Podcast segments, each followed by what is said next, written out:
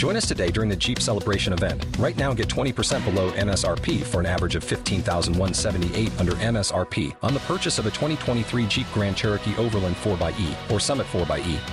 Not compatible with lease offers or with any other consumer incentive offers. 15,178 average based on 20% below average MSRP from all 2023 Grand Cherokee Overland 4xE and Summit 4xE models in dealer stock. Residency restrictions apply. Take retail delivery from dealer stock by 4 1. Jeep is a registered trademark.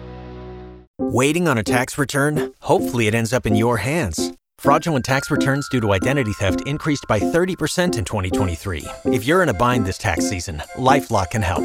Our US based restoration specialists are experts dedicated to helping solve your identity theft issues. And all Lifelock plans are backed by the Million Dollar Protection Package. So we'll reimburse you up to the limits of your plan if you lose money due to identity theft. Help protect your information this tax season with LifeLock. Save up to 25% your first year at LifeLock.com slash aware.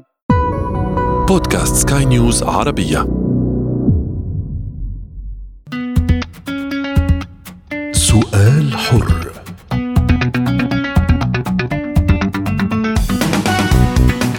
المياه ليس لها أي علاقة فقط بالعطش وإنما هي الحياة. وهي التنمية الاقتصادية والاجتماعية وهي أيضا الطاقة وإنتاج الغذاء وسلامة النظم الإيكولوجية وبقاؤنا نحن البشر هي الرابط بين المجتمع والبيئة. كلام يعرفه أغلبنا ولكننا نتعامل معه على أنه أمر مسلم به وقد لا يحسب الحساب لنقصها أو شحها أو حتى انعكاسات كل هذا علينا وعلى مستقبلنا أو بمعنى آخر هناك من يستبعد شبح شح المياه من الأساس أو التعرض للجفاف. معكم طيبة حميد وهذا سؤال حر ونقاشنا اليوم عن الجفاف وترشيد استهلاك المياه.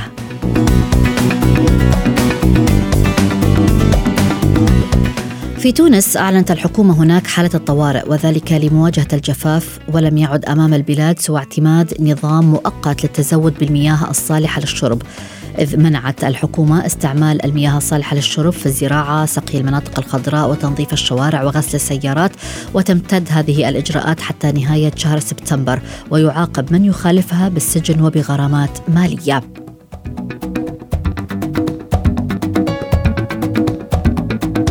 طبعا هذه القرارات التونسية تأتي بعد جملة التصريحات الرسمية حول أهمية ترشيد استهلاك المياه وأيضا تواتر كل الرسائل القصيرة عبر الهاتف للتنبيه بالجفاف ونقص الموارد المائية. من هنا طرحنا السؤال التالي على منصات سكاي نيوز عربية الرقمية فيسبوك تويتر إنستغرام الأمن المائي ما الخطوات التي تتبعونها لتقليل استهلاك المياه؟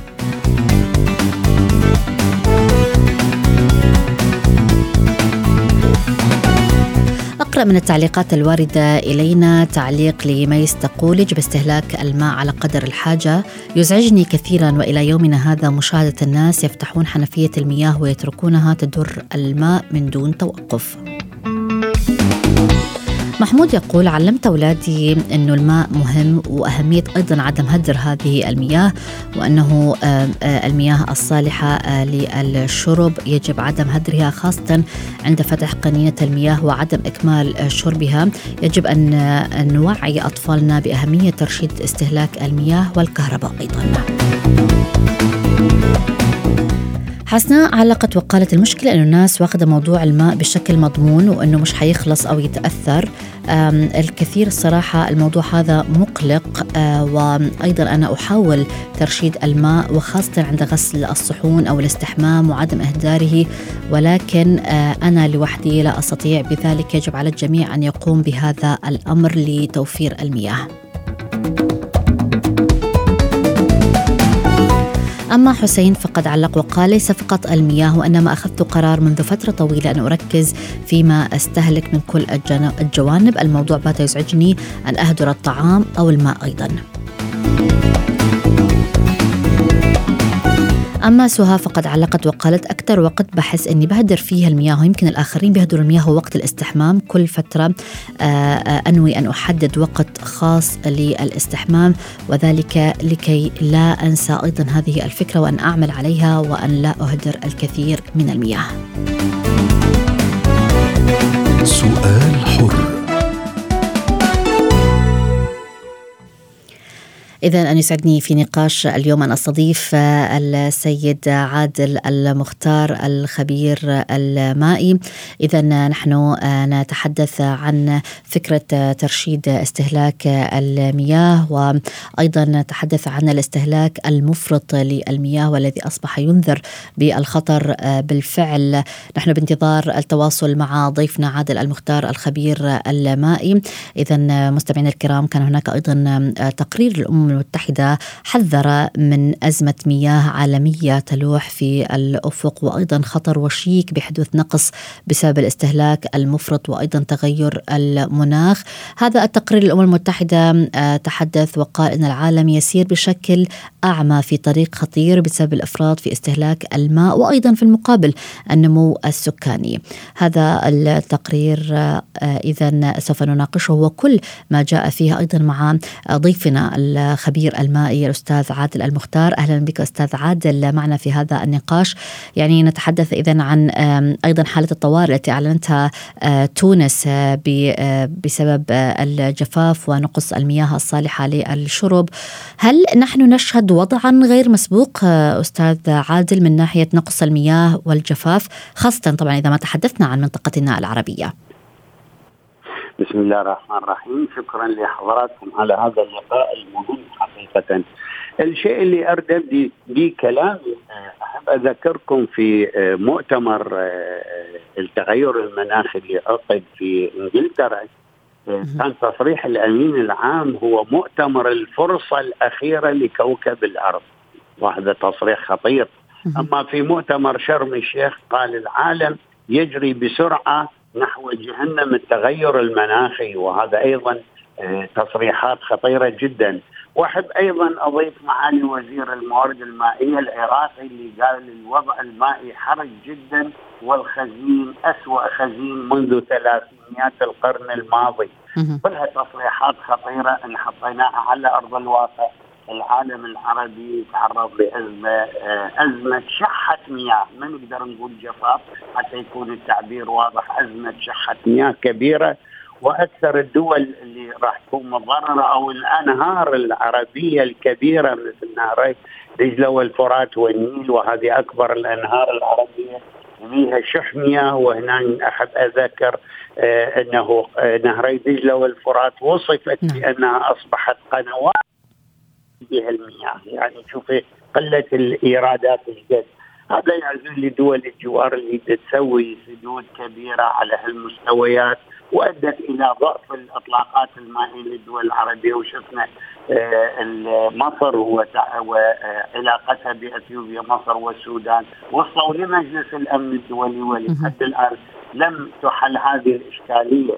أنا أشوف عن الوقت للنهوض بالعمل الجماعي العربي بموضوع المياه تعرفين اليوم عندنا فد نقص راح يكون كبير. نعم. إذا عرفنا ارتفاع درجات الحرارة في عام هسه حاليا ارتفعت درجه ونص التغير المناخي وفي عام طيب أيضا أستاذ عادل يعني في المقابل قد آه، يسمعنا البعض ويقول طب ما هو هناك أيضا وفرة آه، مياه طبيعية على سطح الأرض نسبتها تزيد عن 70% آه، لماذا نحن نواجه حاليا هذه الندرة أو كما تم وصفها بشح المياه؟ وهناك أصلا مصادر مياه طبيعية موجودة على الأرض. حقيقة المصادر المياه الحلوة قليلة جدا وتعتمد على الأمطار والثلوج وهذا واضح له. لكن الحلول لحد الآن مثلا آه اليوم لو ممكن تحلية ماء البحر دولة مثل العراق ممكن تحلي ماء البحر. تصوري دولة مثل الأردن اليوم دا تفكر بالبحر الميت وهي مشكلة يعني آه انخفاض المناسيب في الأنهار أو البحار أيضا عامل مؤثر راح يكون هناك مشكلة كبيرة يعني دولة مثل الأردن نعم. تصرف مليار واحد تاكل وتزرع وتصدر مع ذلك تصبح عندها إشكالية في توفير مياه الشرب. ولكن يعني أستاذ عادل تحدثت عن تحلية مياه البحار والمحيطات وهي يمكن بالفعل من أبرز الحلول يعني اللي بيتبعوها آه، الحكومات. ولكن استخراج الملح من الماء يتطلب طاقة آه، مكثفة يعني ازديادا بعثات ثاني أكسيد الكربون. آه، وهذا كله أيضا ساهم في ندره المياه في المقام الأول. وأيضا محطات تحلية المياه هي أيضا باهظة الثمن أليس كذلك؟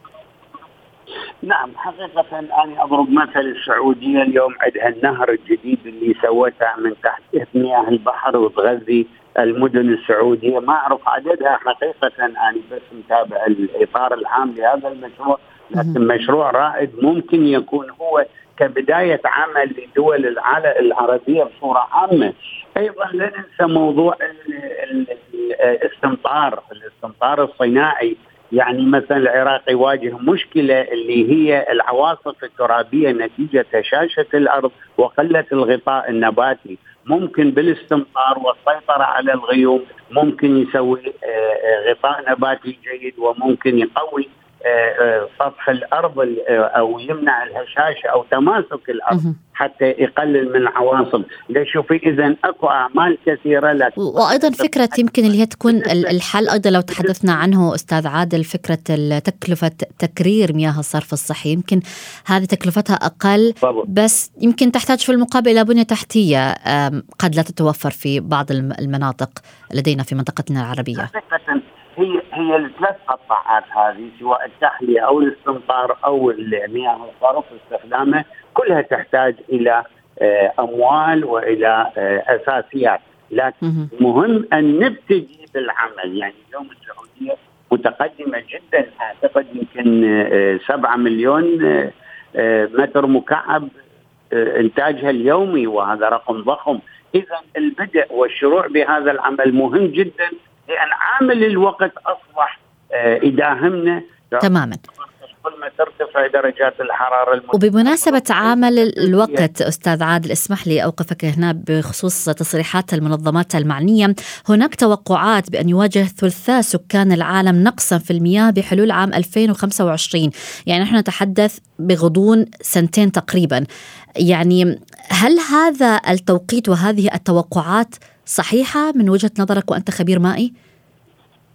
طبعا هم هذول خبراء أكيد هم لهم رؤياهم لكن هل تكون قريبة من الواقع أو لا؟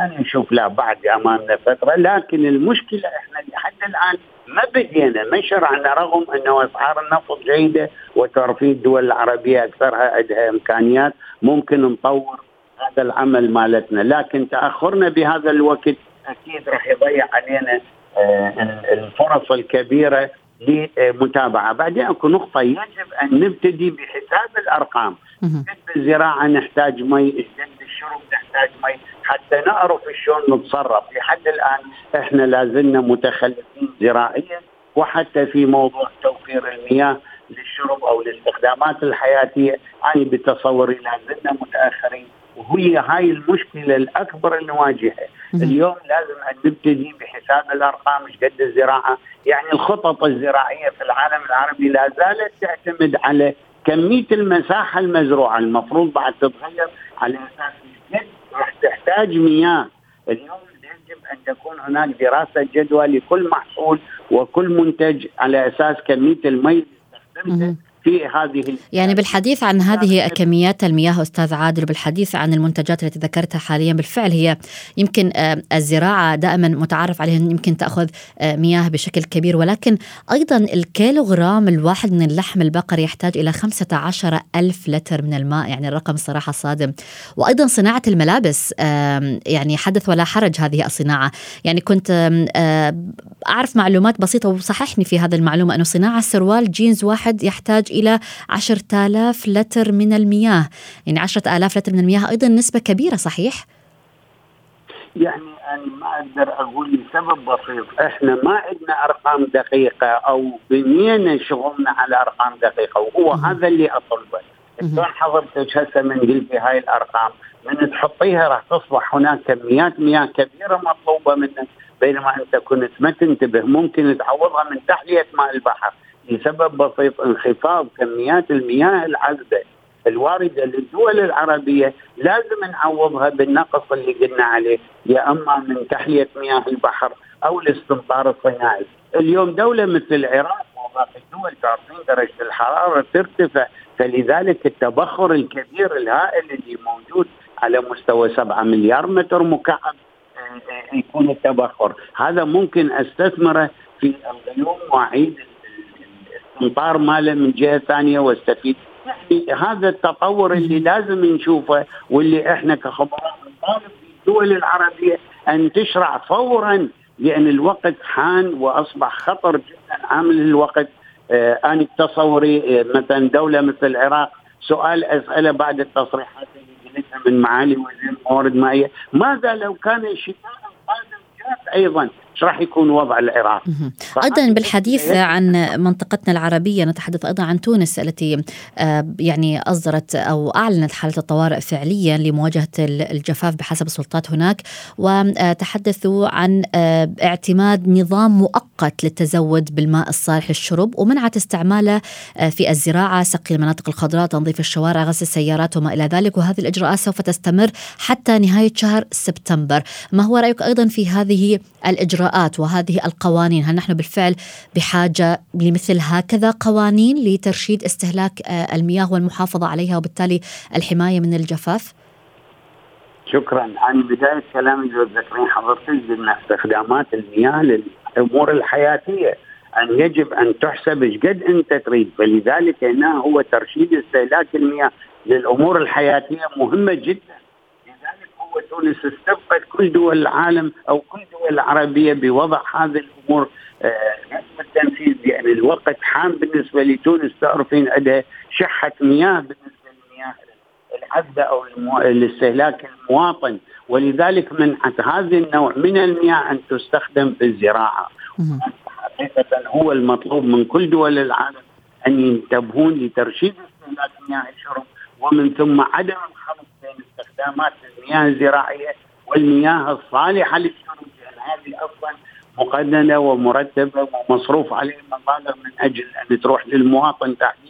نوعيتها عالية، ترشيد استهلاكها مهم جدا وهنا راح نسوي فروقات مائية، أيضا بالنسبة للزراعة كان لازم أيضا تؤخذ هكذا هكذا قرارات على سبيل المثال. أكثر القطاعات يمكن بالعراق أكثر من 75% تستهلك هذه المياه للزراعة. وهذا نعم. رقم ضخم يجب أن يقلل للنصف إذا ما يكون أقل من النصف يعني 30% تكون المياه تروح للقطاع الزراعي حتى نقدر نحقق وفوره مائية تلافيا من أي موسم شتاء. المهم المشكلة اللي أريد أقولها أنا أعتقد يجب أن يكون فريق من الخبراء على مستوى الجامعة العربية من أجل تدارك الأزمة المائية في الدول العربية بعد عن التخبط حقيقة نشوف مصر واحدة تواجه أثيوبيا المتزمتة اللي بعدها أو آه، آه، متداخلة في موضوع السد اللي هي اسرائيل وروسيا وقد تكون أمريكا. مشكلة كبيرة دول العراق نهر دجله والفرات جايين من من إيران وتركيا وواحدة مدى يقدر يجب أن نخوض هذه التجربة كعمل جماعي للمحافظه على إيراداتنا المائية. وخوفا ليسرقنا عامل الوقت ونتعرض لأزمة كارثية نعم. خصوصا ان التصور يمكن أكبر دولة متعرضة لأزمة كارثية تونس والعراق أكبر دولتان حاليتان متعرضتان لأن الإيرادات للعراق قليلة جدا وتصريح معالي الوزير واضح أنه طب هل هذه الإجراءات اللي يتم اتخاذها أستاذ عادل وبشكل آه، مؤقت لترشيد استهلاك المياه، هل هذه الفترة المؤقتة كافية آه، آه، للحفاظ على المياه أم يعني أم نحن نحتاج إلى تقنيات يمكن أحدث يمكن تقنيات متطورة أكثر لترشيد استهلاك المياه؟ حقيقة نحتاج آه، مدة أطول تقنيات أكثر. هذا اللي كنظرة أولية أنا طرحتها. لكن هي العمل من يبتدي أكيد راح يتطور. استخدام الروبوتات العالم ترى تطور بشكل الزراعات المائية ال hydroponic ال aeroponic. هذه ما تصرف مي لكن تنتج اليوم يجب أن تتوجه إلى الشعير المستنبت. اليوم غرف كاملة تنتج شعير وهذا يكون كأعلاف للحيوانات في حضرتك هذه كلها كميات مياه تستخدمها لكن من تغير اسلوبك أكيد أكو قطاعات بعد أكثر وأكثر. اليوم أيضا راح تواجهنا مشكلة الأمن الغذائي يعني بعد الأمن المائي هو الأمن الغذائي. المشكلة شلون راح توفرين أمن غذائي للشعب؟ العربي بصورة عامة في ظل هاي الأزمة المائية الكارثيه يعني هاي كلها نقاط. أنا برايي الجامعة العربية تجمع مجموعة الخبراء العرب الموجودين وتبدأ نشاط عمل جماعي أيضا على مستوى العلاقات مع الدول المتشاطئة مع مع الدول العربية. يجب أن يكون موقف جماعي من الدول حتى نقدر نضمن حقوق هذه الدول العربية المسلوبة. يعني مصر يعني صار كم سنة تواجه إثيوبيا وبدأ تقدر وصلت للجامعه العربية وقد يوصل للإقتتال أو أو الضربة العسكرية. وهنا مثل مصر لأن أستاذ خطر العالم كله دي يحذر. أستاذ عادل إذا أيضا ما نعم. تحدثنا عن فكرة أيضا استهلاك المياه بشكل جيد أو ترشيد استهلاك المياه خاصه على مستوى المواطنين والأفراد العاديين. بماذا تقول أو بماذا تنصح اليوم للأشخاص العاديين؟ وأيضا دورهم في هذا الموضوع لأن هناك أشخاص يقولون يعني إحنا لوحدنا ما بيكفي هذا الموضوع إنه نقوم بترشيد الاستهلاك. يجب أن يكون هناك وعي ولكن في المقابل هناك اشخاص يأخذون الأمر تحصيل حاصل إنه المياه موجودة وهم لا يستوعبون فكرة شح المياه. فبماذا تنصح هؤلاء وما المطلوب منهم بالفعل؟ شكرا جزيلا لحضرتك على هذا الموضوع المهم جدا. أحب أذكر بالصيف المضى آه، كانت أزمة شح المياه في إنجلترا وأعتقد وصلوا حد يشرعون قانون بعدم استخدام المياه بالصونده حتى لا يرششون ويصرفون هدر كبير. شوف في ثقافة وين وصلت. لكن هذا الشيء أيضا الإعلام يركز عليه حتى نوصل ثقافة ترشيد الاستهلاك لأن الوضع خطر. بعدين هل هل من الممكن فرض آه، رسوم على استخدامات المياه؟ حقيقة الأردن أعتقد قننت استخدام استخدامات المياه للمواطنين فلذلك قدرت شوية تعزز موقعها المائي. أتمنى كل دول العربيه تتجه بهذا الشكل بالإعلام تثقيف المواطن. المواطن جزء أساسي من حل العام الأمم المتحده فتره في مؤتمر نيويورك قال يجب أن يكون المواطن هو جزء من الحل وفعلا الحل هو بيد المواطن اللي هو يبتدي إذا قدر يقنن استهلاك المياه أو يرشد استهلاك المياه بحد ذاته هذا راح ينطرح أو يتحول على موضوع الزراعة أيضا ممكن ترشد نفس المواطن هو بالقطاع الزراعي. لكن المشكلة تبقى عندنا مشكلة أيضا في موضوع القطاعات النفطية. أيضا تستخدم كميات مياه والصناعة. أيضا مثل ما تفضلتي حضرتك هم تستخدم هذه كل القطاعات لحد الآن ما تحركنا عليها يعني أنت مو بس بالضرورة المواطن هو اللي يرشد لكن القطاعات الأكبر الزراعة ثم النفط ثم الصناعة ثم يأتي بعدها المواطن. لكن من نبتدي من المواطن لا ضير أن نبتدي من المواطن وصعودا للقطاعات الأخرى لكن مثل ما قلت بداية واحذر الحكومات العربية نعم. حان الوقت وسرعة التطبيق أصبح مهم جدا أن يأسسون فرق من الخبراء حتى نعم. يخططون بسرعة لأن الواقع مرير ومرعب مرعب بهذا التصريح الكلام الأخير اللي أريد أقوله واقع مرعب والله يستر وخصوصا في عام 2050 درجة الحرارة تزيد درجتين وإذا نعم. اردنا 80 درجتين ونص معنا هنا مشكلة كبيرة التبخر يعني هاي كلها عوامل أخرى راح تدخل فلذلك نتحرك للسلطات الفكرة شكرا لك أستاذ عادل المختار الخبير المائي على كل هذه التفاصيل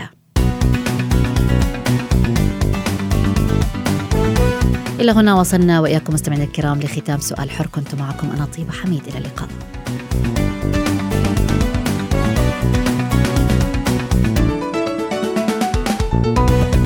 سؤال حر.